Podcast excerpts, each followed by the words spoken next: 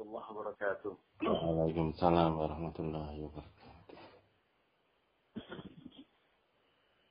رضا إلى ولشفاعة رسول الله ولكل نية صالحة لكل إجابة سورة الفاتحة. أعوذ بالله من الشيطان الرجيم. بسم الله الرحمن الرحيم. الحمد لله رب العالمين. الرحمن الرحيم. مالك يوم الدين. إياك نعبد وإياك نستعين. اهدنا الصراط المستقيم. صراط الذين أنعمت عليهم غير المغضوب عليهم ولا الضالين الحمد لله الحمد لله الذي فضل بني آدم بالعلم والكلام الصلاة والسلام على سيد الأنام محمد وعلى آله وأصحابه الذي نور الظلام أما بعد Teman-teman yang dimuliakan Allah, Alhamdulillah, pagi hari ini kita dapat berjumpa kembali biiznillah. Dengan izin Allah. Bi'inayatillah dengan pertolongan Allah. Bihidayatillah dengan hidayah Allah. Tanpa hidayah Allah. Tanpa pertolongan Allah. Rasanya berat. Rasanya sulit. Rasanya mungkin tidak mudah. Bangun pagi. Sholat subuh berjamaah. Lalu ngaji bersama-sama. Ini nikmat yang sangat mewah. Nikmat yang sangat luar biasa Mari kita syukuri bersama-sama. Kita lanjutkan kajian kita. Tadabur Al-Quran. Surat Al-Tariq. Kita sampai di surat Al-Tariq. Ya, teman-teman. Yang ada di jalur Zoom dan jalur telepon mohon di mute. Yang ada di rumah mohon dipersilahkan untuk membuka uh, Al-Quran, surat Al-Tariq, agar kita bisa mengaji lebih detail kita sudah sampai di ayat ke 9. Yaumatubl Sarair. Ya, kita lanjutkan mulai di ayat ke-10. Seperti yang kita pelajari beberapa hari yang lalu. Bahwa di ayat ke-9 dan ayat ke-8 Allah sudah mulai berbicara tentang konteks hari kiamat di mana Allah sangat berkuasa, Allah sangat berkehendak, Allah mampu, Allah sangat mudah ya untuk menciptakan hari kebangkitan, ya mengembalikan manusia setelah memasuki alam kubur atau alam barzah, dipanggil lagi, dibangkitkan kembali lagi untuk mempertanggungjawabkan amal-amalnya. Dan hari itu adalah yaumatublas sarair, hari ketika dibuka semua rahasia-rahasia kita. Dibuka hal yang ditutup-tutupi selama ini di dunia. Dibuka yang selama ini menjadi agenda-agenda tersembunyi. Ya, semuanya dibuka di sana. Ini hari maha pengadilan. Hari maha CCTV. Ya. Nah, uh, kemudian dilanjutkan dengan ayat berikutnya yang konteksnya masih sama, masih dalam satu tema. أعوذ بالله من الشيطان الرجيم بسم الله الرحمن الرحيم فما له من قوة ولا ناصر فما له maka tidak ada baginya. Baginya siapa? Baginya manusia yang dibangkitkan oleh Allah di hari itu. Ya. Manusia tidak punya apa? Tidak punya kekuatan. Min kuwatin Ya, tidak punya kekuatan, tidak punya kemampuan. Wala nasir dan dia juga tidak punya penolong. Ya, nasara itu artinya menolong. Nasirun itu artinya penolong. penolong. Ya, ya bahasa Arab kalau punya rumusnya itu gampang sekali. Ya, enggak punya formulanya gampang sekali. Karena satu satu kalimat itu bisa bermakna menjadi begitu banyak. Ya, nasara menolong, penolong, nasir. Fa'ala melakukan sesuatu atau berbuat, ya, fa'ilun pelakunya fa'il. Ya. Jadi pada hari itu sudah tidak ada kemampuan atau kekuatan yang dimaksud kemampuan dan kekuatan adalah kekuatan dan kemampuan manusiawi dan kemampuan dan kekuatan duniawi yang selama ini diunggul-unggulkan waktu hidup di dunia. Ya, apa sih yang diunggulkan manusia waktu hidup di dunia? Ya coba saja kita bermuhasabah. Apa yang disombongkan, apa yang dibanggakan, apa sing diagul-agul ke ya kalau bukan kekuasaan jabatan ya. Ini godaan kesombongan itu biasanya lebih mudah nempel kepada orang yang berkuasa. Yang dan menjabat. Nah, padahal bolak-balik diingatkan oleh Cak Lontong. Atasan itu harganya cuma 35 ribu. Ya. Apalagi kalau bukan kekayaan yang dibanggakan manusia di dunia. Dengan kekayaannya dia bisa membeli apa saja. Hukum pun bisa ditentukan oleh duitnya dia. Ya. Nah, bayangin dengan duitnya dia dia bisa membuat apa namanya BAP menjadi berubah sesuai dengan keinginannya. Dengan duitnya dia bisa membuat yang tadinya nggak boleh bepergian ke luar negeri jadi boleh bepergian ke luar negeri. Dengan duitnya dia membuat yang ada di penjara bisa nonton pertandingan tenis misalnya. dan sebagainya dan sebagainya. Ya. Begitu berkuasanya duit di dunia. Apalagi yang dibanggakan manusia di dunia. Relasi, teman. Wah, jangankan jadi temannya presiden. Jadi temannya Pak Camat saja dibangga-banggakan. Wah, eh, Pak Camat ini poncok. Pasang foto waktu berdua dengan Pak Camat. Pasang di apa, uh, Facebooknya, pasang di WhatsAppnya. Gitu ya. Relasi itu dibanggakan. Apalagi yang dibanggakan manusia? Keluarga. Keluarga saya itu ada yang jadi ini, ada yang jadi itu. Wah, itu keluarga saya itu.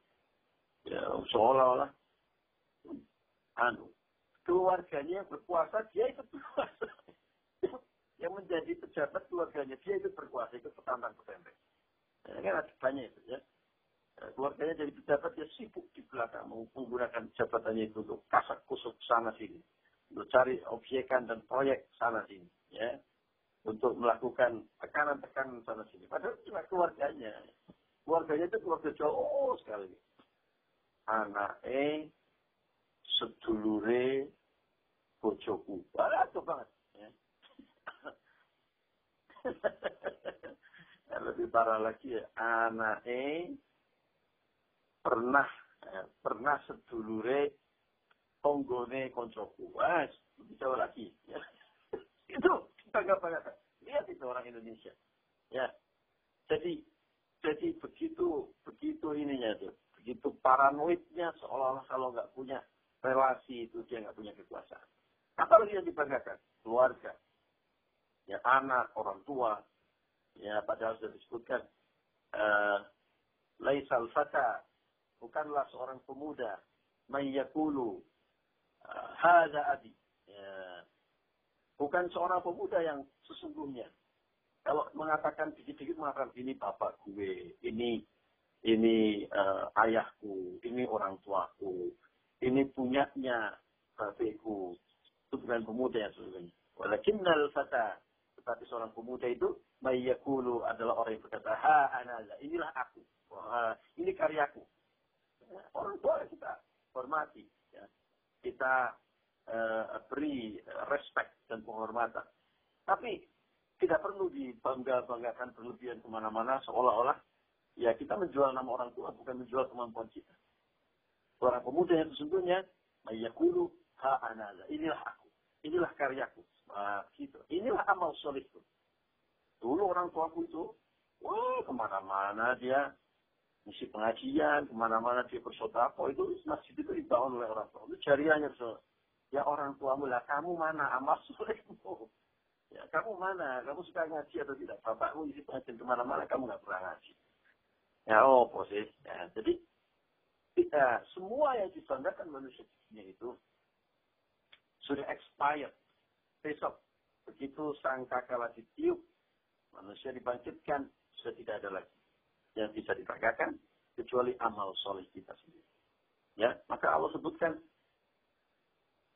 sama min kuwati wala Dia tidak punya kekuatan. Ya. Dia tidak punya lagi power itu.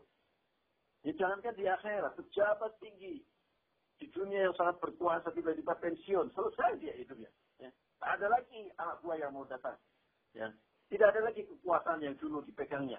Dengan pulpennya dia membuat tanda tangan yang bisa menggerakkan begitu banyak orang dan begitu banyak sumber daya, resources di kantornya. Begitu selesai pensiun, selesai. Apalagi besok di akhirat.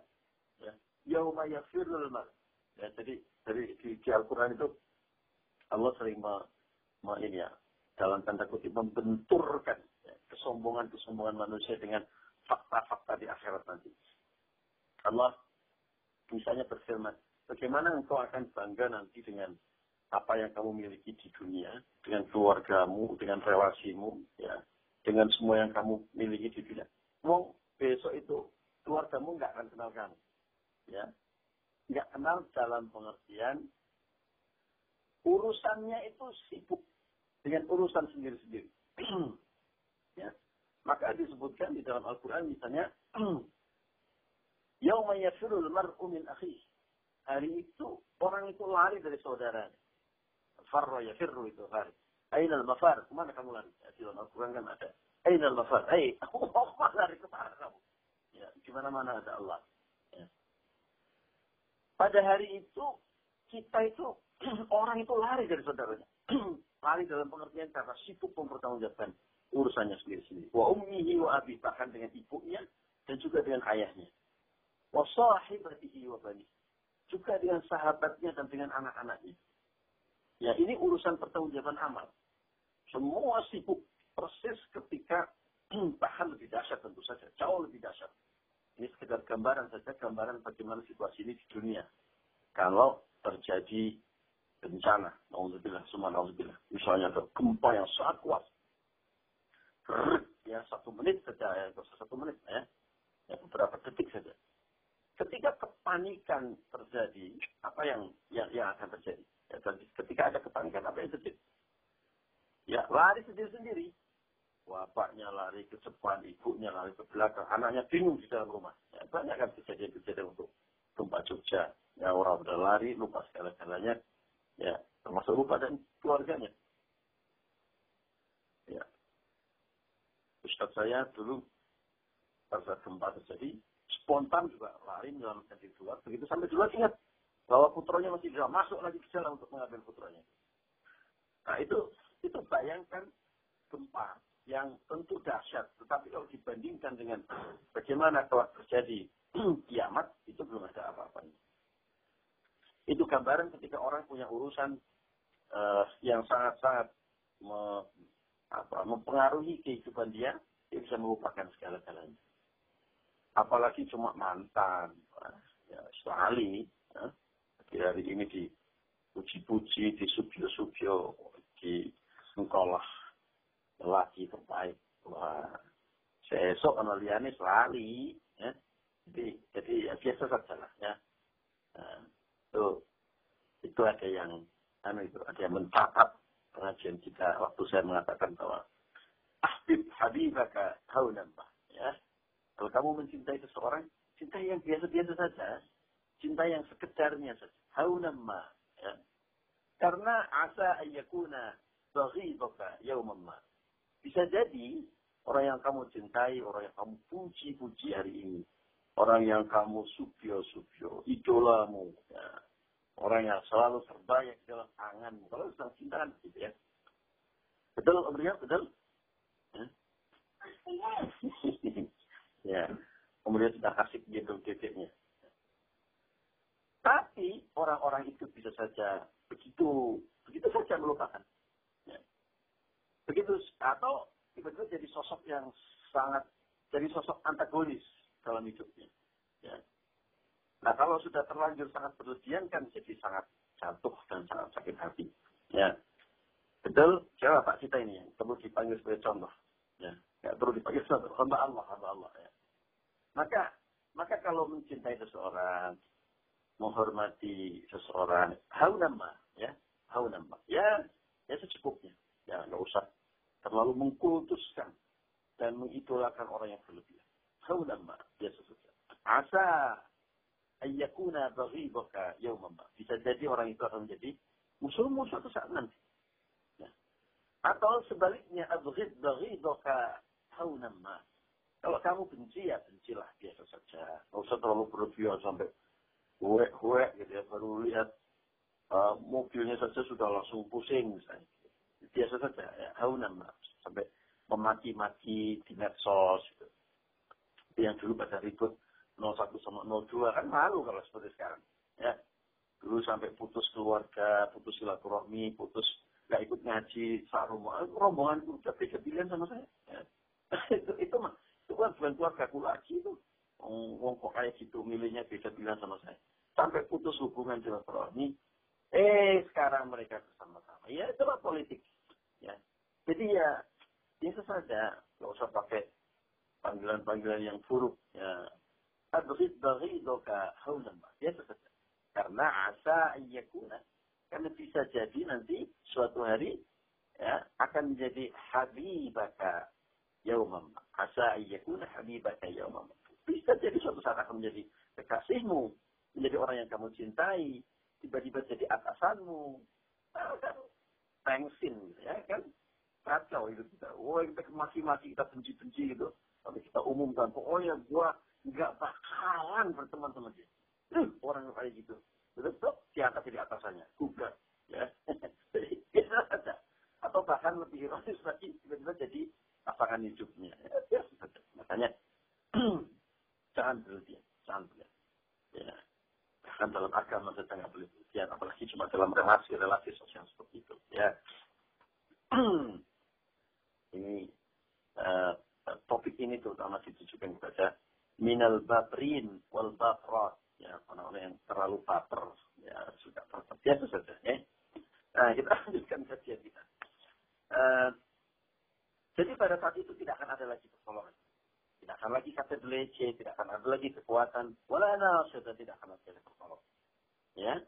Dan mengharapkan nanti pertolongan dari uh, pejabat yang selama ini melindungi, pertolongan dari keluarga yang selama ini dibanggakan. Ya umayyah firul mar'u min akhi. Nah, orang itu pada lari dari saudara-saudara. Ya. Nah. Dilanjutkan di ayat berikutnya. Bersama idza terwajah. Allah kemudian di ayat ke-11 ini kembali bersumpah. Di ayat pertama, kalau kita ingat, ya, kalau kita bisa baca di ayat pertama, kita bisa lihat di atas bersama iwafari. Allah bersumpah dengan langit dan juga dengan yang datang di malam hari, yaitu an-najmul sa'id bintang yang sangat terang benderang. Di bawah Allah bersumpah lagi. Ya. Allah setelah bersumpah yang pertama dan menjelaskan begitu banyak hal karena bersumpah selalu dipakai untuk hal-hal yang penting. Gak mungkin bersumpah itu dipakai untuk hal-hal yang, yang sepele. Ya. Sumpah loh. Nah, itu kebiasaan anak muda zaman sekarang. Sedikit-sedikit sumpah. Sedikit-sedikit sumpah. Ya. Sumpah gua gak tahu. Sumpah gua. Sumpah gua kemarin datang. Sumpah kemarin gua on time.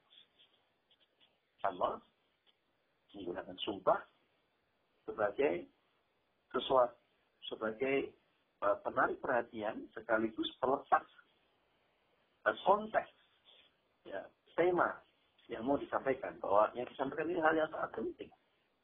Hal yang tidak boleh diremehkan dan ditinggalkan. Ya.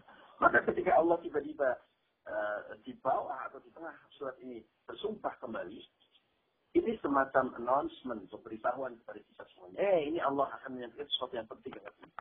Ya. Kita lihat konteks sumpahnya Allah. Bersama idza terwajah. Dan demi langit, zat raj'i yang mempunyai zat, ya, zu, zat, ya, karena ini muannas, ya, zat raj'i, ya. Dia memiliki apa memiliki apa? Ar-raj'i. Ar-raj'i itu uh, aslinya itu sebenarnya adalah sesuatu yang berulang, terjadi mondar mandir, ya, mondar mandir kayak satu terus gitu. Uh, sesuatu yang terulang, terjadi berulang-ulang. Ya. Nah, eh, di mungkin di Al-Quran teman-teman itu diterjemahkan hujan. Ya, memang sebagian besar mufassir kemudian menerjemahkan apa sih yang terjadi berulang-ulang dan itu terjadi di langit. Ya. Kemudian para ulama menafsirkan itu sebagai atau menerjemahkan sebagai hujan. Ya. Rasanya memang tepat, ya. Karena apa? Karena lihat fenomena hujan yang ada di langit. Ya. Hujan itu terjadinya bagaimana sih? Bagaimana terjadinya hujan? Coba dijelaskan. Ini. Hah? Jadi. Jadi. Aku. Hah? Jadi pertama tuh air Pertama, dari danau Air yang ada di permukaan bumi, danau dan sebagainya, itu menguap kan menguap ke atas. menjadi awan. Menjadi awan. Menguap karena apa? Menguapnya ya karena panas sih. Karena panas. Oke, Nah. menguap ke atas. menguap kan habis menguap Terus jadi awan. awan. Nah, kalau awannya itu sudah overload, Overload. bakal bakal jadi hujan. Jadi hujan. Nah, itu siklus itu ter- terjadi berulang. Itulah yang disebut dengan bersama izadir raja. Ya, itu raja. Silakan, sudah kembali. Ya. bersama izadir raja. Dan demi langit yang mempunyai sesuatu yang berulang-ulang. Apa itu yang bisa berulang? Yaitu hujan. Ya, lihat itu proses terjadi hujan. Ya, tadi dijelaskan oleh Sri. Terima kasih ya Sri. Kemudian dilanjutkan dengan sumpah yang kedua. Di ayat ke-12 jelaskan wal ardi zatus sada. Ya. Wal ardi dan demi bumi zatus sada yang mempunyai as-sada'u itu artinya sebenarnya adalah yang terbelah. Ya. Jadi kalau raja'u tadi ulang alif, ya. Sada'u itu artinya terbelah. Ya. Dan bumi yang mempunyai sesuatu yang terbelah. Lihat ini, betapa indahnya kalimat yang digunakan Allah di dalam dua ayat ini. Pertama, kalau ayat yang ayat pertama, ayat kedua, Allah bersumpah dengan suatu benda makhluk ciptaan Allah yang sangat dahsyat, yaitu langit, yaitu at tapi tidak menjelaskan apa yang terjadi di situ. Maka di bagian yang kedua, Allah bersumpah dengan ciptaan Allah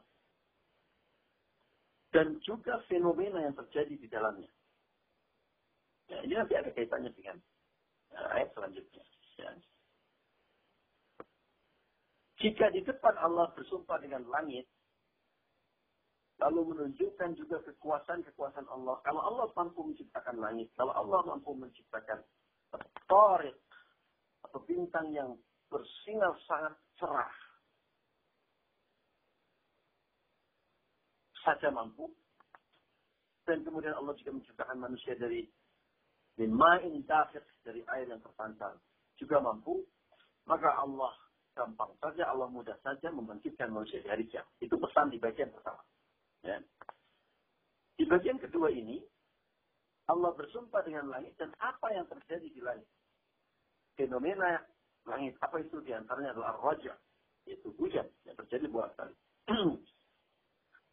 Artinya di sini Allah mulai mengirimkan pesan yang sedikit berbeda dari pesan yang pertama. Bahwa di sini Allah mulai bercerita tentang fenomena alam, sunnatullah, kekuasaan Allah untuk menciptakan semua yang terjadi di dunia ini begitu luar biasa.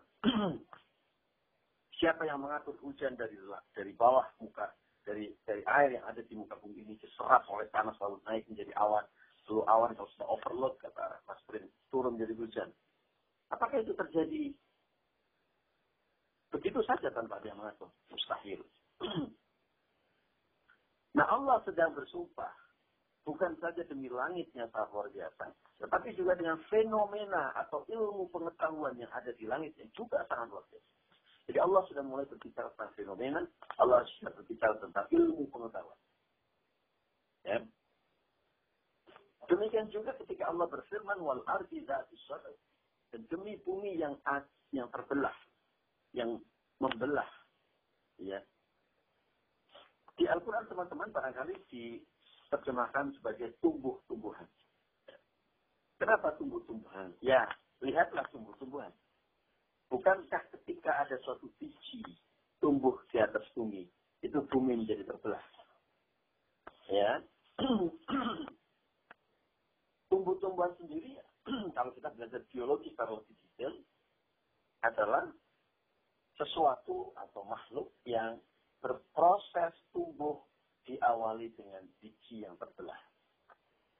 Itulah mengapa Sodau yang artinya terbelah, yang artinya membelah itu itu diterjemahkan sebagai tumbuh-tumbuhan.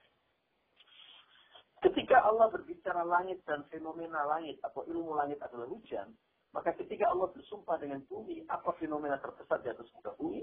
Yaitu tumbuhnya tanam-tanam, tumbuhnya buah-buahan, tumbuhnya biji-bijian. Itu salah satu mujizat Allah yang sangat biasa. Ya. Eh, dan ini hebatnya Al-Quran. Kalau kita berbicara, kita sudah pernah mengulasnya. Apa sih bedanya Al-Quran sebagai mujizat kanjeng Nabi Muhammad dengan Misalnya tongkatnya Fir'aun. Dahsyatnya Al-Quran adalah kalau tongkatnya Fir'aun berlaku, ada masa berlakunya. Ya. Bahkan sebagian besar mujizat itu hanya terjadi sekali. Sebagian sebagian besar mujizat. Ya, kalau kalau tongkatnya Nabi Musa itu mampu berapa kali. Ya. Tapi begitu Nabi Musa kabundut, begitu Nabi Musa sudah sudah tidak bertugas lagi sebagai kanjeng Nabi, apakah tongkatnya masih berfungsi? Tidak. Ya, seperti apa sapunya Harry Potter yang bisa dinaikin ke mana-mana tidak dan sabun sabun selesai. Tapi Al-Quran terus kita rasakan ya terus kita rasakan sampai hari ini dan di antara mukjizat Al-Quran adalah Al-Quran dengan sangat luar biasa kalau kita tadaburi, kalau kita kaji, kalau kita pelajari terus memberikan ilmu ilmu setiap hari nggak selesai-selesai. Ya. Jadi kalau mendengar para ustadznya di ya, para mufassirnya di itu rasanya saya ya Allah ilmu saya masih sedikit sekali. Betapa Al-Quran itu lautan ilmu gudangnya ilmu yang tidak ada habis-habis. Ya. itu mukjizat yang terus bisa kita rasakan sampai hari ini. Itu bedanya Al-Quran dan mukjizat yang lain. Misalnya dalam konteks ayat 12 ini. Bagaimana Al-Quran dengan sangat indah mengatakan demi bumi dan yang sesuatu yang membelah di bumi yaitu tumbuh-tumbuhan biji-bijian. Ayo kita belajar, ini ahli biologi kalau sekitar ayat ini keren banget. Ayo kita belajar dari fenomena tumbuhnya tanam-tanaman dan biji-bijian di atas muka bumi. Yoko iso, ya di tanah yang sangat gersang seperti Saudi misalnya. Nah, tiba-tiba tumbuh pohon kurma yang memberikan buah-buahan yang sangat lezat dan memberikan kehidupan Ya. Loh kok iso? Isi dilempar begitu saja, yang nggak usah diapa-apain. Di Sleman atau di Cilacap, itu saja tumbuh. Bahkan kadang-kadang kita nggak perlu menanam, tumbuh saja. Ya. Dan tanamannya itu bisa bisa. Ya ada yang dilempar jadi semangka, ya, dibiarkan jadi semangka, ya, ada yang tumbuh jadi pisang. Luar biasa sekali fenomena. Nanti ahli biologi menjelaskan secara detail. Tapi Allah uh, uh, singkatnya ya dalam dua ayat ini uh, bersumpah dengan fenomena dengan makhluk Allah ciptaan Allah yaitu as-sama dan al-ard dengan langit dan bumi dan fenomena-fenomena khas unik uh, dan juga luar biasa yang terjadi di uh, makhluk atau ciptaan Allah ini.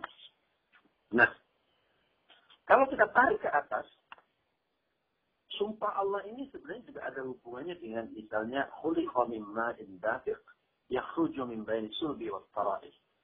Sebagaimana juga penciptaan manusia, lihat itu juga ada fenomena penciptaan atau bagaimana Allah menumbuhkan tanam-tanaman. Kalau dalam penciptaan manusia itu diciptakan dari ma'in dari air yang tercurah, ya. kemudian dia membuahi uh, sel uh, telur, ya. kemudian jadilah manusia, jadilah anak ya. dengan wasilah tersebut. Tentu ada proses embriologi lebih detail dan lebih lanjut. Demikian juga ketika Allah menumbuhkan bumi ini, menghidupkan bumi ini. Bagaimana Allah menghidupkan bumi ini? Dengan menurunkan hujan.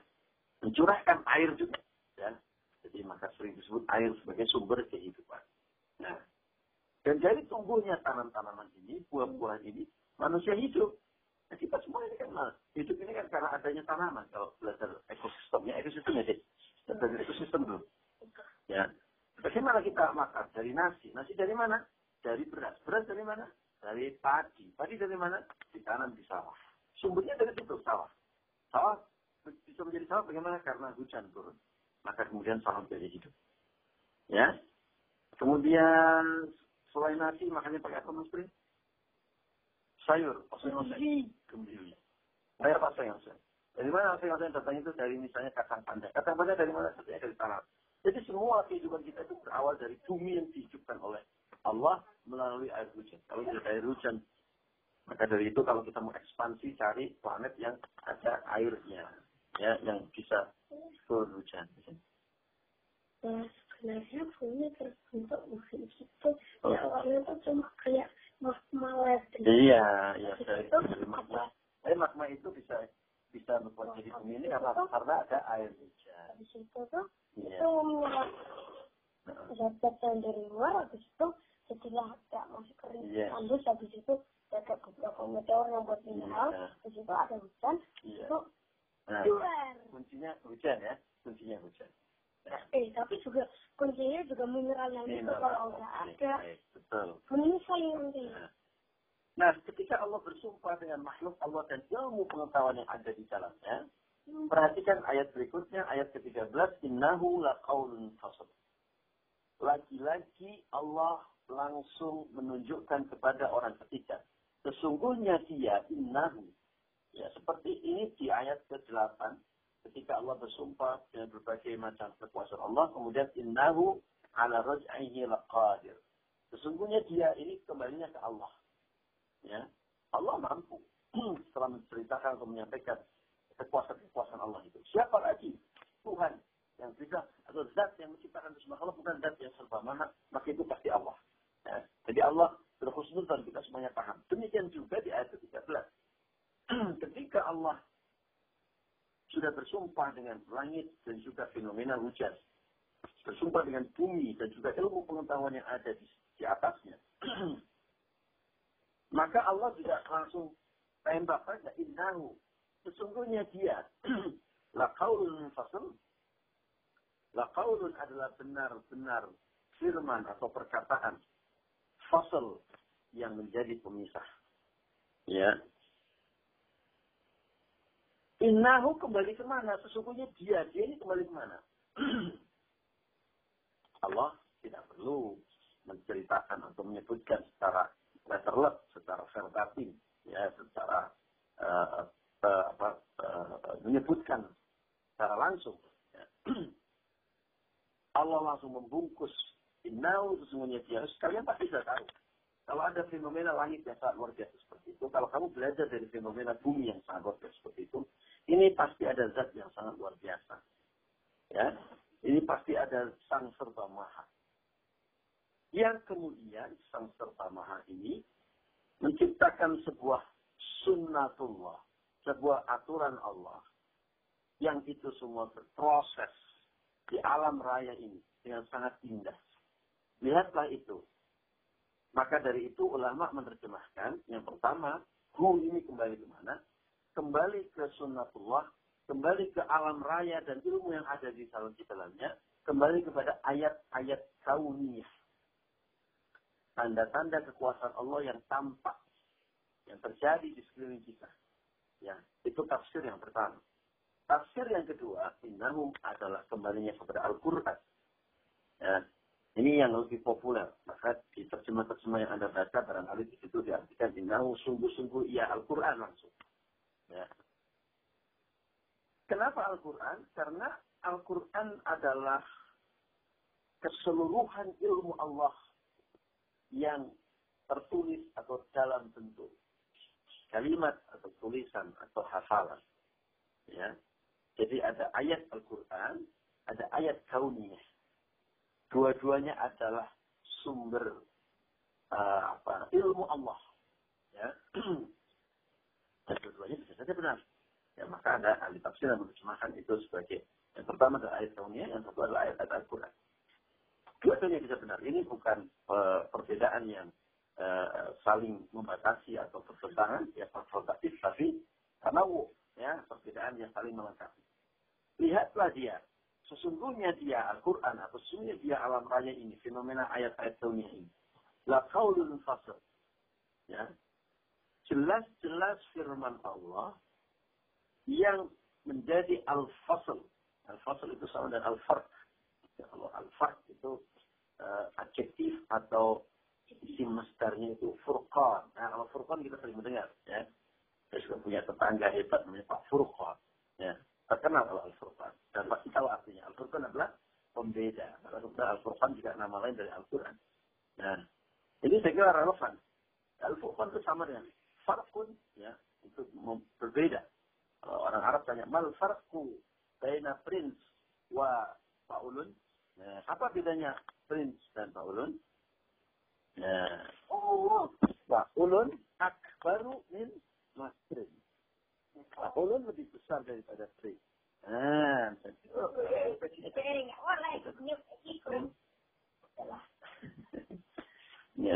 kecil yang Ayo pas ngaji center harus menjadi murid pelajar. Ya. Mal farqu ya, apa bedanya? Baina mal farqu baina Makkah wal Madinah? Apa bedanya Makkah dan Madinah? Ya. Itu al-farqu itu pembeda. Maka al-furqan itu adalah pembeda. Nah itu sama dengan al-fasl. Fasl juga pembeda. Ya, pemisah, pemisah lebih tepatnya. Kalau al-farqu itu beda, kalau al-fasl itu pemisah. Nah, ayat ini menegaskan bahwa sesungguhnya Al-Quran dan atau juga ayat-ayat kauniyah itu adalah dalil-dalil yang sangat terang benderang yang membedakan antara yang hak dan yang batil. Yang benar dan yang salah. Yang halal dan yang haram. Ya, itu itu itu itu terang benderang. Ya, terang benderang. Wa ma huwa bil.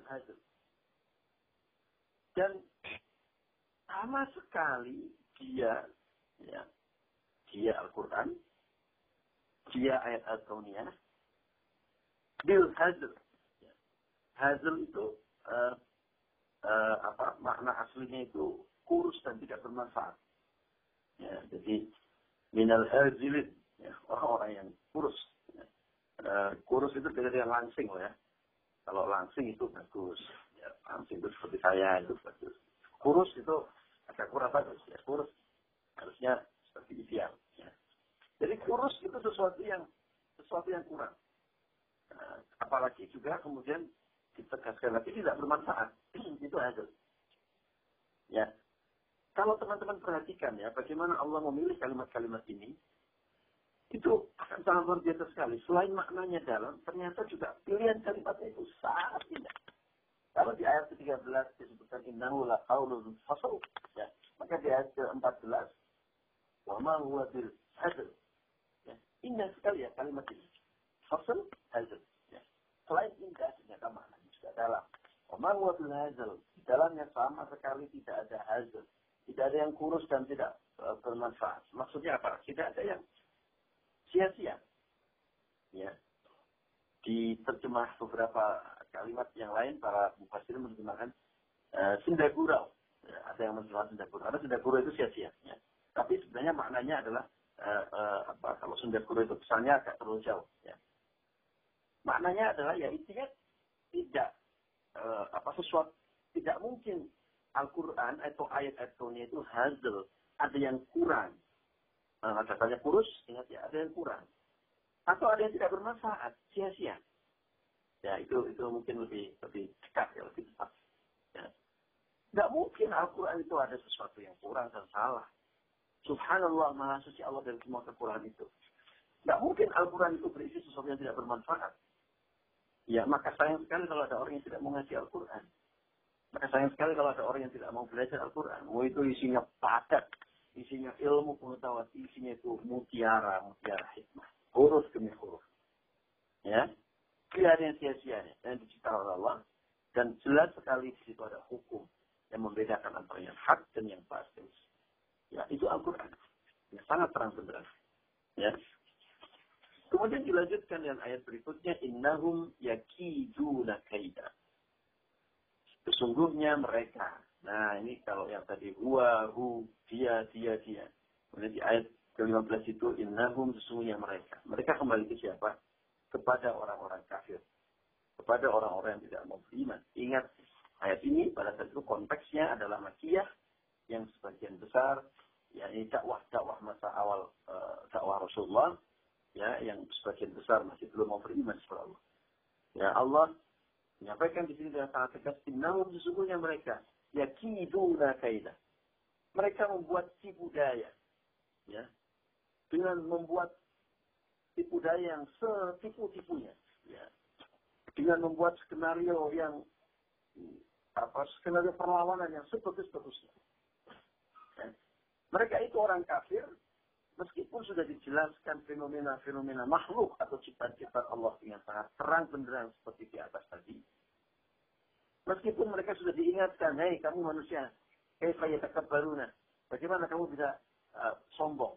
Ya. Dijelaskan bahwa kalian itu diciptakan dari ma'in dafiq. Ya, air yang memantar dan air yang hina. Ya. Bagaimana Allah menceritakan tentang fenomena alam raya ini seperti langit, seperti bumi. Tapi tetap saja ada orang yang tidak mau beriman. Ya. Maka orang-orang ini disebut sebagai kafir. Apa itu kafir? Itu kafir, menutupi. Menutupi apa? Menutupi kenyataannya sudah sangat terang benerang seperti itu. Menutupi dalil-dalil yang sudah sangat jelas. Menutupi hati yang sudah pernah beriman ketika ada di dalam kandungan ditanya oleh Allah. Allah itu. Apakah aku ini Tuhanmu? Ditutupi semua itu. Demi apa?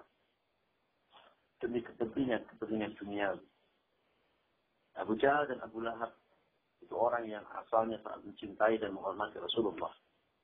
Tetapi begitu kan Nabi membawa risalah berbalik 180 derajat. Karena apa? Karena kepentingannya akan terganggu. Ya, hanya yang seperti itu kan. Nah, nah karena kepentingannya terganggu, mereka tidak mau beriman kepada uh, Allah dan putusan Allah, maka mereka membuat tipu daya, membuat strategi, membuat alasan. Ya, wes, pokoknya sebanyak-banyaknya dalil yang bisa ditunjukkan. Cari itu. Ya, apa saja. Kalau sudah tidak bisa bicara baik-baik ya dengan kekerasan. Orang yang melakukan kekerasan karena orang yang sudah nggak kreatif. Orang nggak pinter. Kalau orang pinter nggak perlu melakukan kekerasan. Karena mereka pinter kalah pasti. Ya, berkali-kali mereka berhimpun untuk membuat ayat Al-Quran jadinya malfi uh, alfil ya uh, apa? Wama atroka malfil ya. uh, itu membuat ayat satu saja nggak bisa mereka. Membuat, membuat satu surat saja nggak bisa. Ya. Mereka kalah kalau beradu otak. Akhirnya mereka beradu otak. Ya mereka membunuh kanjeng nabi mereka teror kanjeng nabi dan sahabat-sahabatnya dan seterusnya dan seterusnya. Tetapi apa pun strategi mereka Allah menegaskan wa ajidu kaida. Kalau mereka berstrategi, kalau mereka membuat tipu daya, wa ajidu kaida, maka aku Allah akan membuat tipu daya yang lebih dahsyat. Dia mau main-main sama gue. Nah, kurang lebih begitu orang Betawi. Gitu. Dia mau main-main sama gue. Dia belum tahu siapa gue. Nah, gue udah layanin, ayo. Nah, kurang lebih begitu. Lu mau main apa? Lu jual, gue beli. Nah, kalau begitu. Eh, konsep seperti ini, ayat seperti ini itu di Al-Quran ada beberapa. Salah satu yang paling populer misalnya wa makaru wa makarullah. Wallahu khairul makirin. Ya, makar. Ya, makar itu ya ya sama dengan kaidan. Ya, tipu daya. Makar itu makanya sering diterjemahkan kalau di Indonesia makar itu kan uh, apa perlawanan ya perlawanan ya, mengambil alian kekuasaan secara tidak sah makar ya, membuat makar kudeta Ya. Nah, kalau ada orang mau melakukan makar, ya, mau melakukan pemberontakan dan perlawanan kepada Allah, Wallahu khairul makirin. Lu jangan main-main lu. Lu mau makar sama Allah. Allah ahlinya makar. Allah maha makar. Lu mau tipu Allah. Lu mau tipu daya Allah. Lu mau eh, uh, sama Allah. Ya, lu mau main-main ini. Ya Allah layanin. Dan Allah adalah khairul makirin. Sebaik-baik pembuat akar. Nah, yang perlu kita garis bawahi di sini adalah bahwa ketika Allah dalam tanda kutip sombong menunjukkan kemampuannya seperti ini, Allah memang sombong. Allah boleh saja sombong. Berhak untuk sombong karena Allah memiliki semuanya. Ketika Allah perhatikan, ketika Allah menyampaikan kekuasaan Allah, wasitu kaida, ya, Allah maha tipu daya, harul makirin, Allah maha makar. Ketika Allah mengatakan seperti ini, selalu diawali dengan kalimat-kalimat kenyataan bahwa orang-orang kafir akan membuat makar. Orang-orang munafik akan membuat tipu daya. Ya Allah jabanin. Allah tidak mengatakan bahwa Allah sang maha makar secara berdiri sendiri. Seperti misalnya kul wallahu ahad. Allah itu sifatnya kelas satu. Ar-Rahman Ar-Rahim. Allah maha sayang. Ya. Kemudian uh, apalagi ya, Ar-Razak maha pemberi rezeki ya tetapi ketika bilang kaida atau makir atau harul makir Allah tidak berdiri maka kita tidak boleh mengatakan bahwa oh Allah itu uh, apa namanya tukang pembuat tipu daya dan tukang pembuat makar. Tidak boleh. Allah membuat jadi ada count if-nya. Kalau Excel itu ada if-nya ada rumus if. Allah maha membuat tipu daya Allah maha membuat makan kalau ada orang kafir yang mau makan Allah. Kalau ada orang munafik yang membuat tipu daya pada Allah. Allah jabani gitu. Karena Allah khairul majid. Allah berkehendak, Allah berkuasa untuk itu. Maka jangan main-main dengan Allah. Aturan itu begitu sesuatu. Lalu ditutup dengan satu ayat yang sangat indah. Famahilul kafirina amhilhum ruwaida. Ya, famahilul kafirina amhilhum ruwaida. Nah, ayat ini menarik. Allah berfirman, famahil. Ya, maka berilah tangguhkan. Tangguhkan, tahan. Ya. Untuk siapa? Untuk al-kafir. Ya, orang-orang kafir. Al-kafirina. Orang-orang kafir. Sekarang beri tangguhan mereka. Amjulhum ruwaida. Beri tangguhan mereka sebentar saja. Sesaat saja. Nah, kenapa Allah tiba-tiba berfirman demikian? Ada banyak orang-orang kafir ketika diberi cobaan oleh Allah dengan segala macam kemampuan dan kekuasaan duniawi, Geleleng dia, gaya dia, sombong dia. Ya. Allah berikan dia kesombongan yang lebih, biarlah dia sombong. Ya. Kasih penangguhan. Jangan dihancurin sekarang. Ya, kita lihat mau apa dia. Mau sesombong apa dia. Ya, mau semakar apa. Maka Fir'aun diciptakan oleh Allah, dibuat biasa oleh Allah. Menjadi penguasa yang hebat, luar biasa. Sehat. Ya. Sampai kemudian dia ujung-ujungnya adalah puncak semuanya adalah mengaku dirinya Tuhan. Maka ada orang, para penguasa-penguasa dolim yang berkuasa sampai puluhan tahun bahkan keluarganya diturunkan sampai keluarga ratusan tahun. Maka ada orang yang semakin kaya, semakin kafir, semakin kaya, semakin kafir, semakin naik jabatan. Ke apa-apa biarin saja. Allah ingin memberikan pelajaran kepada kita. Itu orang-orang sombong yang sangat luar biasa. Biarkan, biarkan. Tangguhkan siksanya Allah. Wong itu ruwaida, itu gak lama. Gak lama karena Allah akan turunkan azab di dunia. Atau misalnya bahkan ketika Allah tahan azab itu sampai dia meninggal dunia, nanti Allah akan turunkan azab itu yang pasti akan datang di alam kubur dan juga alam akhirat.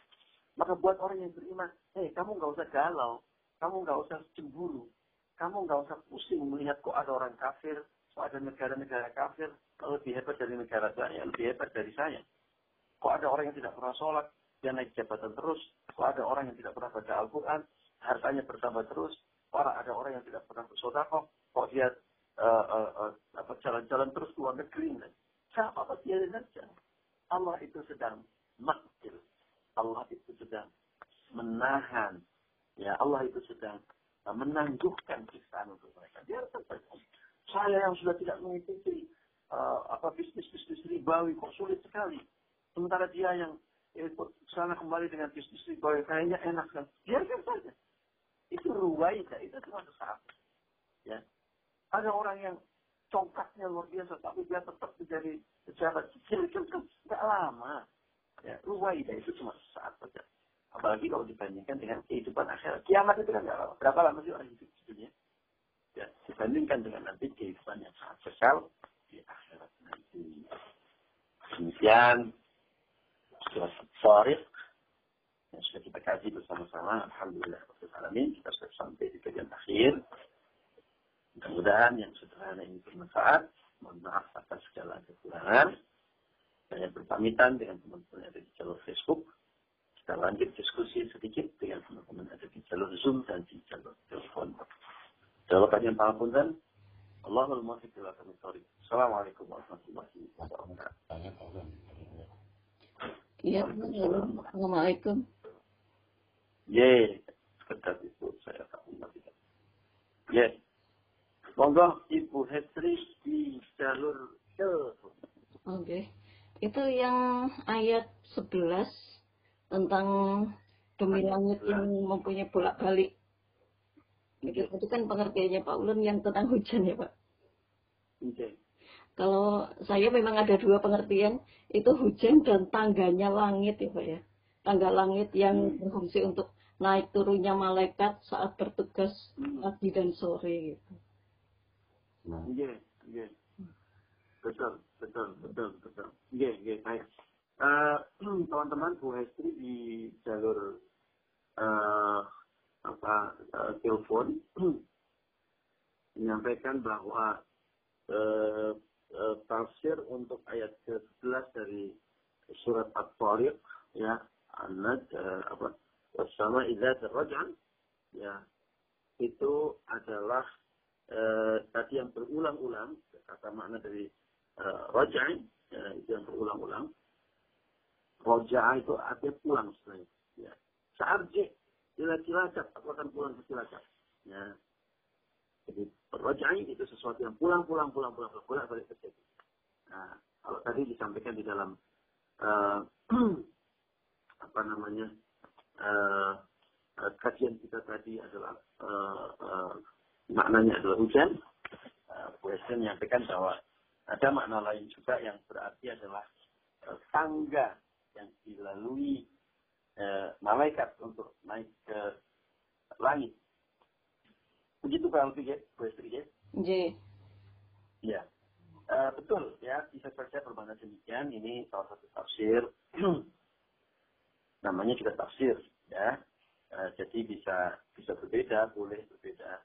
Dan sekali lagi perbedaan-perbedaan itu buat kita adalah perbedaan-perbedaan yang uh, uh, apa memperkaya kajian kita. Ya. Uh, memang ada yang menerjemahkan itu sebagai uh, tangga atau menafsirkan itu sebagai tangga seperti yang disampaikan oleh Bu Hestri tadi tetapi itu kurang populer. Yang paling masyhur Rajai itu yang terjadi apa yang terjadi berulang-ulang di langit itu adalah ikan itu lebih masyhur.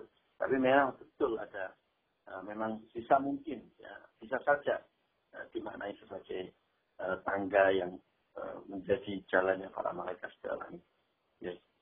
Jadi bisa saja dan kalau kita ketemu yang seperti itu, pemaknaan seperti itu, ya nggak apa-apa uh, itu itu memperkaya kajian kita karena sekali lagi memang Al-Quran uh, menyebutnya itu sebagai sesuatu yang wajahnya terjadi berulang. Tidak jadi pemaknanya juga banyak, bukan hanya satu. Ya, jadi begitu. Dan Allah menggunakan kalimat kiasan-kiasan seperti itu. Yes. Jadi. Misalkan? Ini juga saya ada hujannya juga. Ada dua pengertiannya, yeah. ada hujannya juga.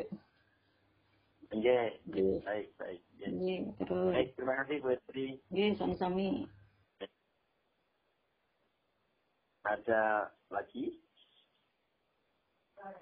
Saya, Pak. Monggo. Hmm, boleh lihat. Ya, Pak.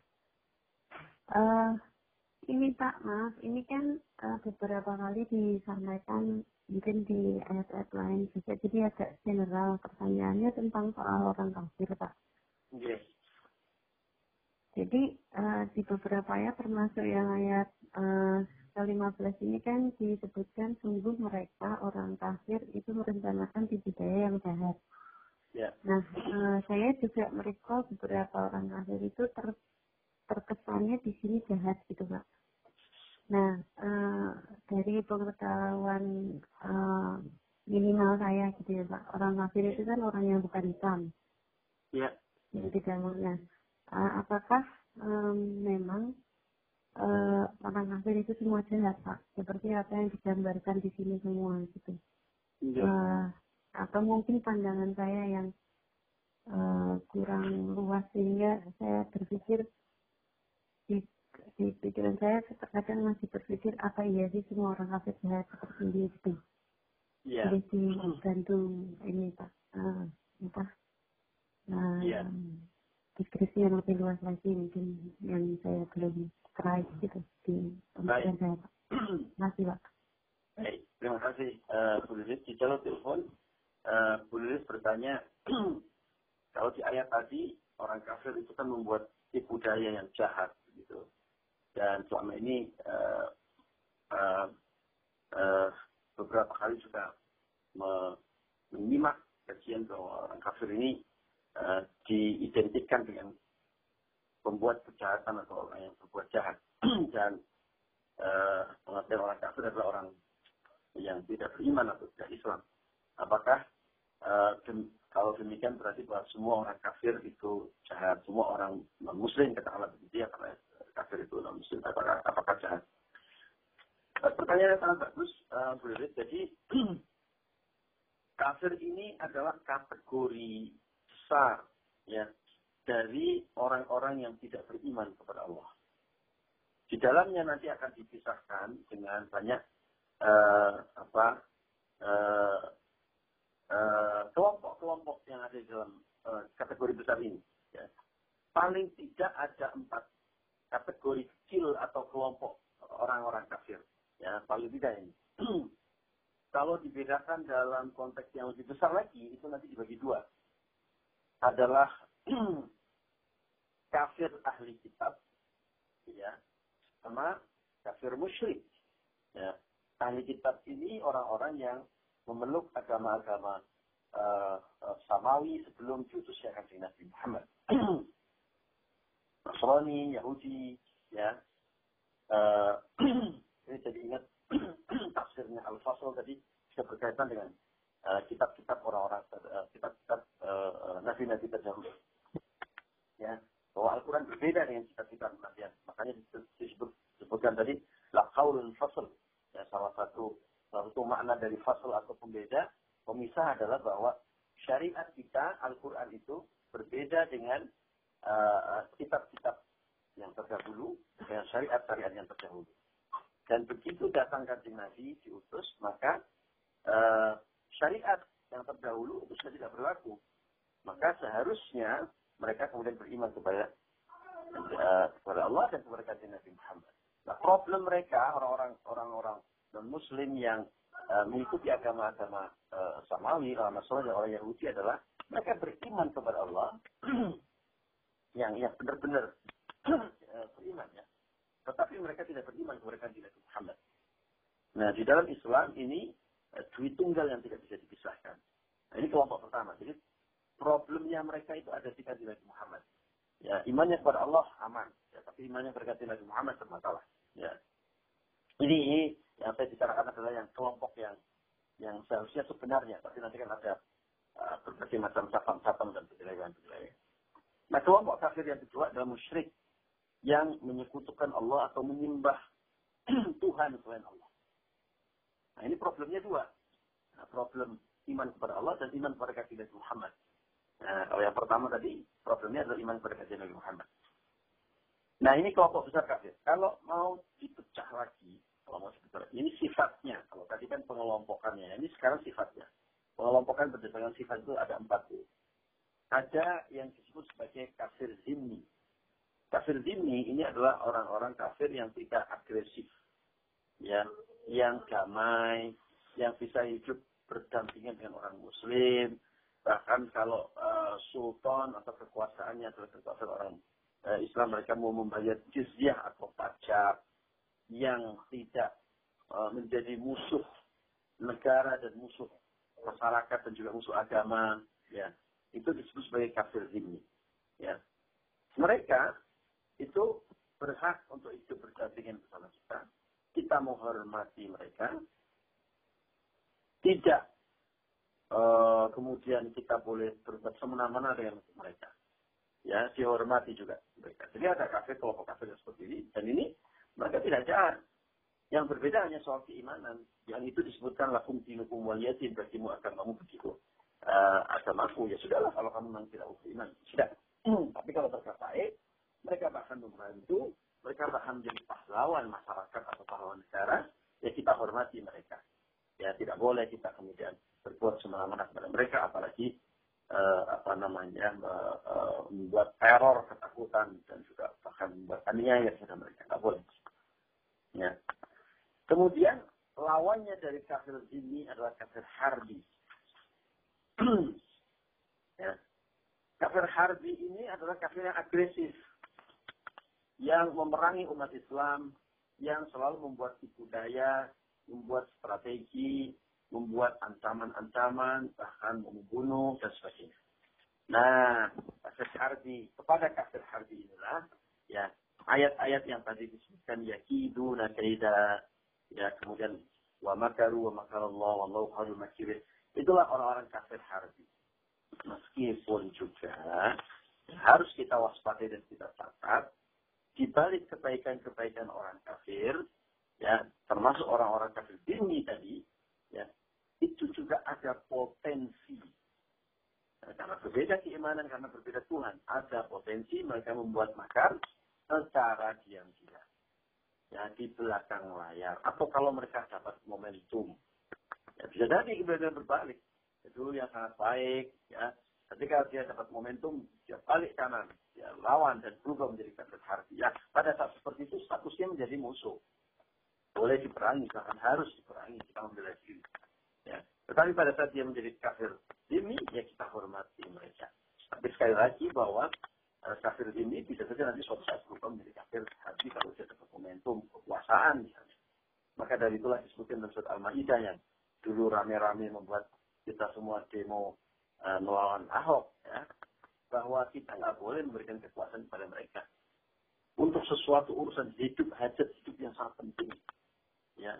Nggak boleh diserahkan pada orang kafir. Karena apa? Karena bisa jadi mereka baik ya mereka zini tetapi begitu mereka memegang tampuk kekuasaan oh bisa berubah 180 derajat bro. Ya apalagi Al-Quran menyebutkan bahwa walan tarba'an kan yahud walan nasara hatta tattabi'a millatahum. Ya orang-orang Yahudi dan orang Nasrani itu orang tahu mereka tuh di lubuk hatinya jauh di lubuk hatinya ya, itu tidak akan pernah ridho dengan umat Islam. Sehingga nanti kalau dapat momentum dia bisa berubah kebalikan maka ya jangan diberi kekuasaan. Jangan diberi uh, apa namanya uh, uh, uh, uh, amanah yang terkaitan dengan uh, urusan orang banyak. Ya, urusan hajat hidup kita. Yang penting-penting. Sampai. Ya. Selama uh, masih ada uh, saudara-saudara kita sama muslim yang yang ada di sana. Tapi bukan berarti semua orang kafir menjadi jahat dalam pengertian jahat duniawi. Ya ada uh, orang kafir yang zimmi. Ya. Nanti ada lagi orang kafir yang misalnya disebut al-mu'ahad dan mustaqmin. Ya, orang-orang yang mengikat perjanjian. Ya, apalagi kalau sudah ada perjanjian resmi, oh, penguasa muslim harus melindungi mereka ya harus melindungi mereka. Dan demikian juga ada kafir mustahmin, ya orang kafir yang datang dari negara kafir, ya uh, sebagai utusan resmi atau mungkin pedagang, ya dan dia juga uh, tidak melawan umarok, tidak melawan penguasa, tidak melawan umat Islam, dia datang dengan baik. Ini masih kelompok zimi sebenarnya, cuma lebih didetailkan lagi. Dia datang dari luar. Kalau zimi itu yang memang sudah sama-sama dengan kita hidup di sekeliling kita. Ya. Begitu ya Firilis kesimpulannya adalah bahwa secara duniawi urusan dunia tidak semua orang kafir jahat, semua ada orang kafir yang baik dan karena mereka orang kafir baik maka kita secara duniawi harus menghormati mereka, harus menyayangi mereka, bahkan dalam beberapa hal harus melindungi mereka. Tapi tetap saja kita tidak boleh memberikan kekuasaan urusan uh, yang sangat-sangat penting kepada mereka karena bisa jadi ada potensi seperti hmm. uh, uh, tadi ya yang kita sebutkan tadi. Ya, ya, ya. Ya, ya. apa-apa uh, berbagi sayur lodeh, apa-apa. Ya. Dengan harapan nanti akan diganti dengan cake. Ya. Ini hati mustahab dan mustahil. Mustahil. Ya. D. D. D. Pak. D. J. J, monggo uh, Ibu siapanya di dalam Zoom? Bu Eni, ya monggo Bu Eni.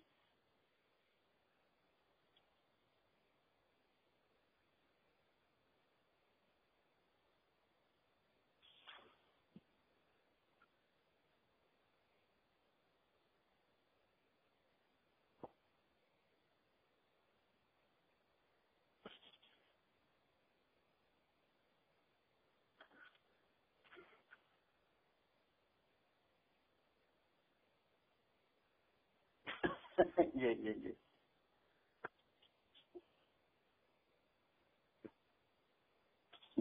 iya, iya. Baik, baik, baik, baik, baik.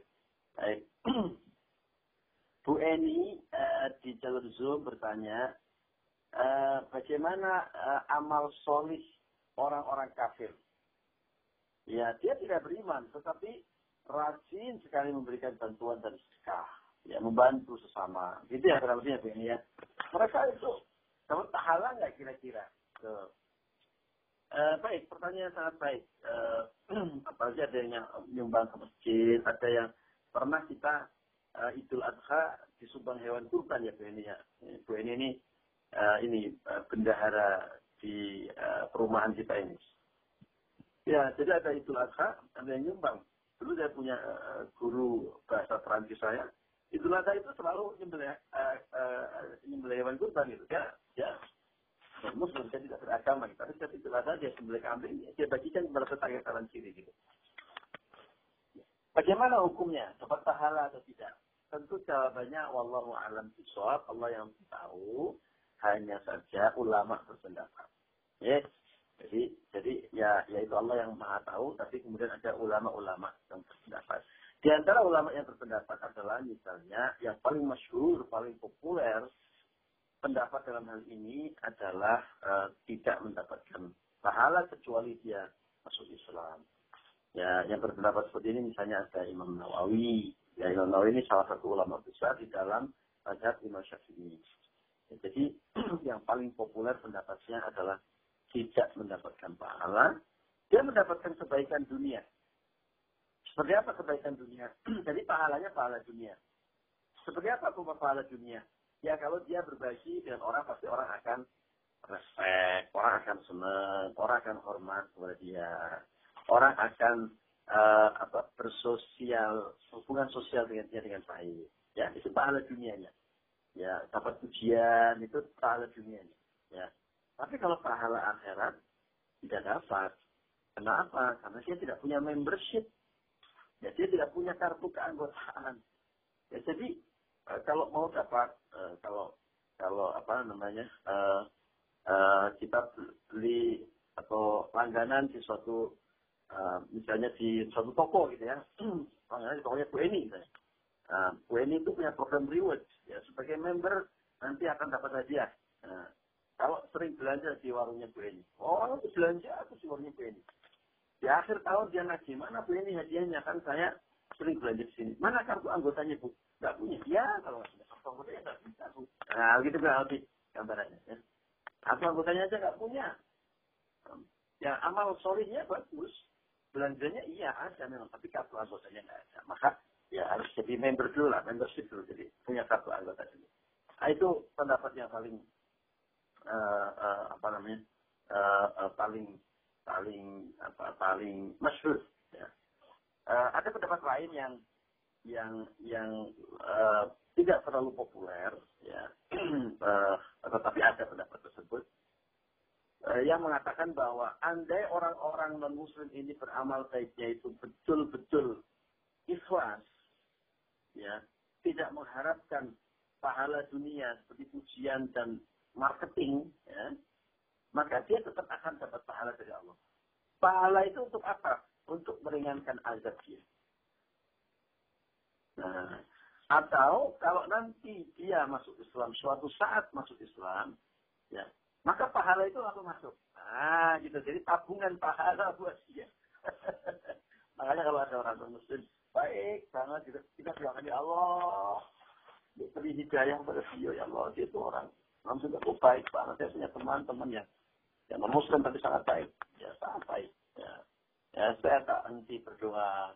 Ya mudah-mudahan Allah memberikan hidayah kepada beliau sebelum dipundut gitu ya. Nah nanti begitu dia dapat hidayah masuk Islam syahadat nah itu amal-amal solehnya yang terdahulu itu langsung masuk keranjang. Nah itu ada yang berpendapat ya, ya.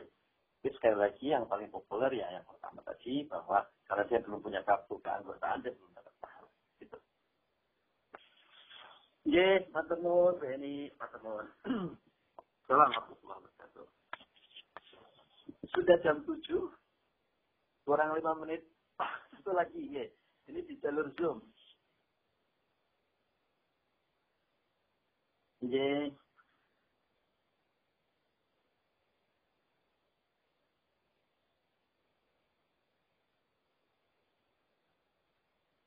Iya. Iya. Betul, betul. Betul, betul. Betul. Baik, baik. Ada pertanyaan sambungan, uh, menyambung pertanyaan Bu Lilis tadi. Uh, uh, saat ini adakah, masih adakah ahli kitab itu? Ya, uh, karena kaitannya dengan banyaknya hukum-hukum fikih uh, yang membedakan status orang kafir dengan orang ahli kitab di mana misalnya orang ahli kitab orang kafir nggak boleh dinikahi sama sekali ya nggak usah ngeyel ya pokoknya orang kafir nggak usah dinikahi nggak boleh dinikahi tetapi untuk orang ahli kitab boleh dinikahi. Ya, kalau perempuan. Ya. Kemudian eh, sembelihan orang ahli kita boleh. Eh, ya, jadi sembelihannya bukan bukan hanya orang Islam tapi orang ahli kitab boleh. Nah, sekarang pertanyaannya, apakah orang ahli kitab yang seperti itu, itu masih ada saat ini? Sekali lagi saya menjawab pihak kaulani di dalamnya ada dua pendapat. Ada yang mengatakan bahwa orang ahli kitab yang disebutkan di dalam Al-Quran yang punya e, dampak atau pengaruh hukum berbeda dengan orang kafir itu saat ini sudah tidak ada. Kenapa? Karena keimanannya sudah sangat berbeda. Mereka bukan ahli kitab yang sesungguhnya. E, sudah banyak penyelewengan-penyelewengan di dalamnya. Sudah terjadi perbedaan, ada perbedaan-perbedaan yang sangat prinsipil, ya, tentang misalnya konsep e, trinitas atau konsep ketuhanan tentang konsep uh, Nabi Isa ya, atau Jesus Christ misalnya dan sebagainya dan sebagainya. Sehingga kemudian berpendapat uh, tidak ada tidak ada uh, orang ahli kita seperti yang disebutkan di dalam Al-Quran yang dulu hidup di zaman kanjeng Nabi. Ya di mana pada saat itu mereka uh, uh, uh, beriman kepada uh, Allah dengan konsepsi yang sebenarnya yaitu yang ahad yang maha esa karena ajaran Eh, nabi-nabi sebelum syar'u man qablana disebutnya Ibnu fikih. Syariat orang-orang sebelum kita ya yang diakui ya sebagai salah satu puzzle dalam hukum uh, hukum syariat kita atau fikih kita itu adalah uh, syariat yang sesungguhnya yang, yang tidak menyeleweng. Ya, yang tidak berbeda dari konsep aslinya. Di mana intinya adalah konsepnya Tuhannya adalah satu. Kul wallahu ahad. Yaitu bukannya Tuhan kita saja, Tuhan mereka itu juga satu. Harusnya begitu. Nah maka dari itu ada ulama uh, banyak ulama yang berpendapat orang ahli kitab yang disebutkan itu sudah tidak ada lagi uh, saat ini, ya sudah tidak ada lagi. Tetapi ada juga yang berpendapat bahwa mereka itu masih ada yang itu adalah orang-orang Nasrani dan orang-orang Yahudi uh, sekarang ini. Uh, itu itu sama-sama kuatnya, sama-sama uh, ya saya ya ada yang Eh, sama-sama uh, ya ada yang uh, berpendapat A dan B sama sekali uh, uh, uh, itu itu sama-sama kuatnya ya sama-sama kuatnya. Saya pribadi berpendapat uh, jika memang dia itu masih uh, atau keimanannya itu keimanan yang uh, uh, uh, apa ya uh, sebenarnya condongnya lebih pendapat yang pertama ya. Tapi tetapi kan kita tidak tahu. Kita tidak terlalu detail uh, ber apa memahami konteks uh, ketuhanan mereka. Kita di luar beranggapan bahwa mereka trinitas. Ya, seolah-olah bahwa Tuhannya tiga. Tapi pertanyaannya apakah betul? Ya itu betul-betul trinitas bagaimana pemahaman kita bahwa Tuhannya tiga. Kalau kita tanya mereka ada sebagian di antara mereka yang menjawab tidak. Bukan begitu maksudnya. Konsep Trinitas ini diakui oleh mereka sebagai sebuah konsep yang paling kontroversi. Ya kalau kita kita pelajari agama mereka, saya kebetulan dulu kuliah eh, salah satu salah satu ya salah pelajaran yang saya dapatkan itu adalah pelajaran tentang belajar agama-agama. Nah kalau kita bertemu dengan ulama mereka, bertanya dengan kiainya mereka, itu banyak di antara mereka yang mengatakan bahwa mereka semua pada prinsipnya menyepakati bahwa konsep Trinitas ini adalah konsep yang paling membingungkan dan paling kacau dalam agama kami. Kacau dalam pengertian kontroversi. Nah, nah di antara mereka ada yang uh, uh, uh, apa pemahamannya adalah bukan seperti yang kita anggap seperti ini bahwa Tuhannya tiga tidak, ya Tuhannya yang satu. Nah konsep Trinity atau Trinitas adalah konsep ketuhanan di mana di dalam ketuhanan mereka, keimanan mereka yang paling basic itu ada trilogi yang sama pentingnya, yaitu Tuhan, Bapa, kemudian Yesus Christ dan Bunda Maria. Tapi bukan berarti Yesus Christ dan Bunda Maria sebagai Tuhan. Ada yang berarti itu. Nah, untuk orang-orang yang seperti ini, menurut saya mereka lah ahli kitab karena keimanannya masih keimanan yang murni yang sama dengan kita yaitu Allah, beriman hanya tidak beriman kepada Nabi Muhammad. Nah, tapi sekali lagi kita sulit membedakan ya sebagai orang awam bukan orang yang ahli di agama mereka itu uh, sulit membedakan saya. Iya, nanti sebentar. Oh iya, ya, boleh, boleh, boleh. Sebagai orang awam kita nggak tahu apa yang terjadi di dalamnya. Sehingga ya memang yang saya bilang tadi, saya itu dulu pendapat yang pertama sebenarnya. Tapi kita nggak boleh kecil uyah, kita selalu selalu berkhusnudan, ya.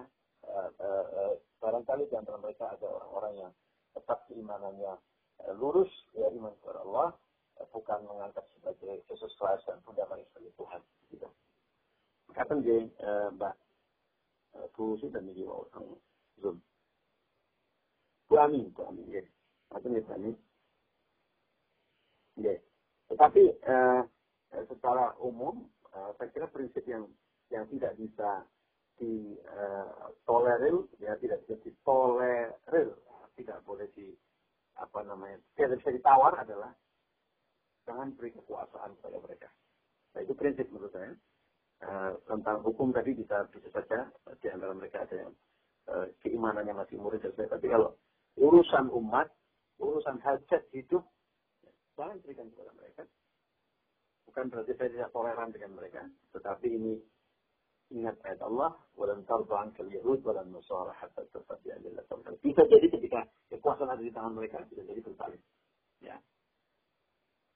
Di chat ada chat yang sangat baik uh, uh, tentang bahwa uh, yang tadi ditanyakan oleh Bu uh, Eni ditambahkan bahwa bagaimana orang non-muslim yang berbuat baik. Ya, ada kisah tentang orang non-muslim yang memberikan makan kucing di sepanjang jalan.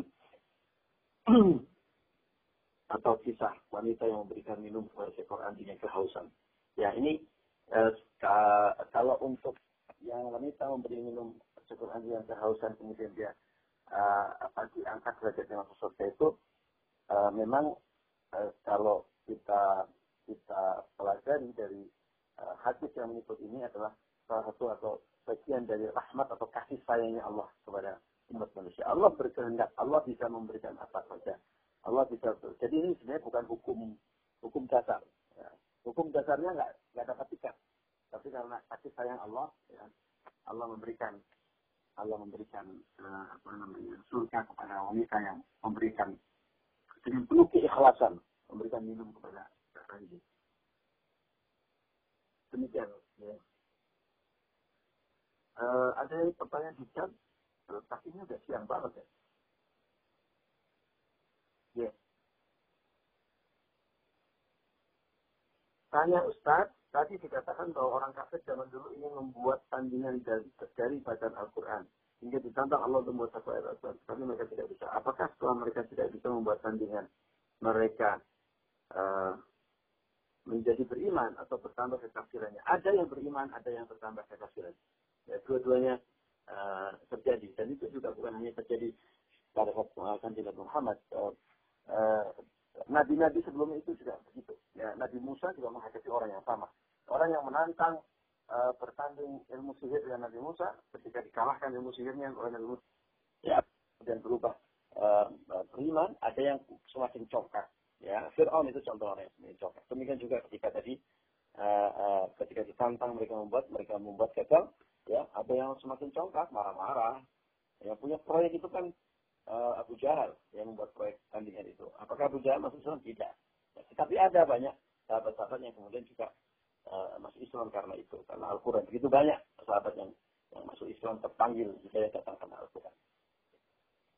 Bagaimana dengan kondisi zaman sekarang orang Islam sendiri yang paham dengan Al-Quran justru membuat penyimpangan dan membuat aliran baru. Yaitu namanya orang tidak paham Al-Quran. Ya. Uh, uh, bisa jadi dia hafal, bisa jadi dia tahu, tapi dia tidak paham. Ya, kalau orang paham Al-Quran pasti nggak mungkin dia akan menyimpang, pasti tidak mungkin dia akan kafir karena dia paham. Ya. Uh, uh, oh dia tahu, dia bisa menjelaskan, dia bisa menjelaskan, tapi dia tidak paham. Beda antara orang yang bisa menjelaskan dan orang yang paham. Ya. Nah, orang paham itu artinya orang yang mengerti, mengerti, memahami betul. Kalau orang memahami, ya insya Allah dia tidak akan uh, yang seperti. Kalau ada orang hafal semua orgelnya itu hafal Al-Quran. Orang-orang Arab itu dulu katanya hafal Al-Quran zaman Nabi Muhammad itu. Ya mereka membuat tandingan-tandingan Al-Quran karena mereka hafal Al-Quran.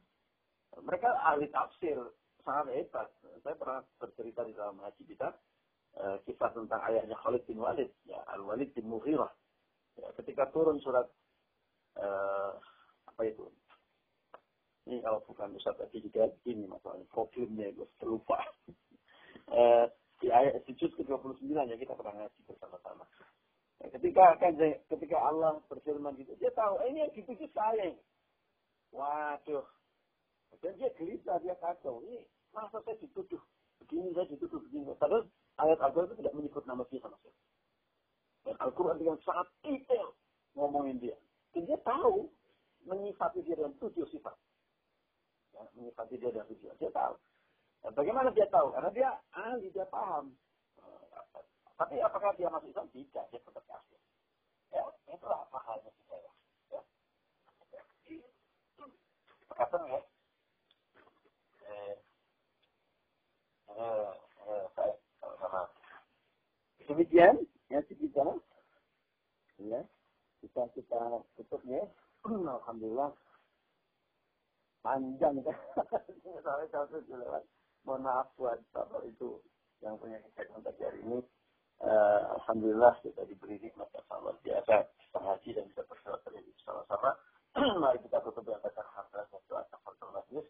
Alhamdulillah rabbil alamin. Subhanakallahumma bihamdika asyhadu an la ilaha anta astaghfiruka wa atubu ilaik. Saya panjang pangapunten. Selamat Jumat Barokah. Jangan lupa banyak bersedekah, banyak bersilaturahmi, banyak baca Al-Quran khususnya uh, surat apa? Al-Kahfi. Al-Kahfi. Juga surat-surat yang lain, surat Yasin, surat baik, kirim doa untuk orang-orang tua kita yang sudah kabundut, keluarga kita semuanya. Dan jangan lupa untuk para lelaki, ya nanti ke masjid dengan penampilan terbaik dan konten.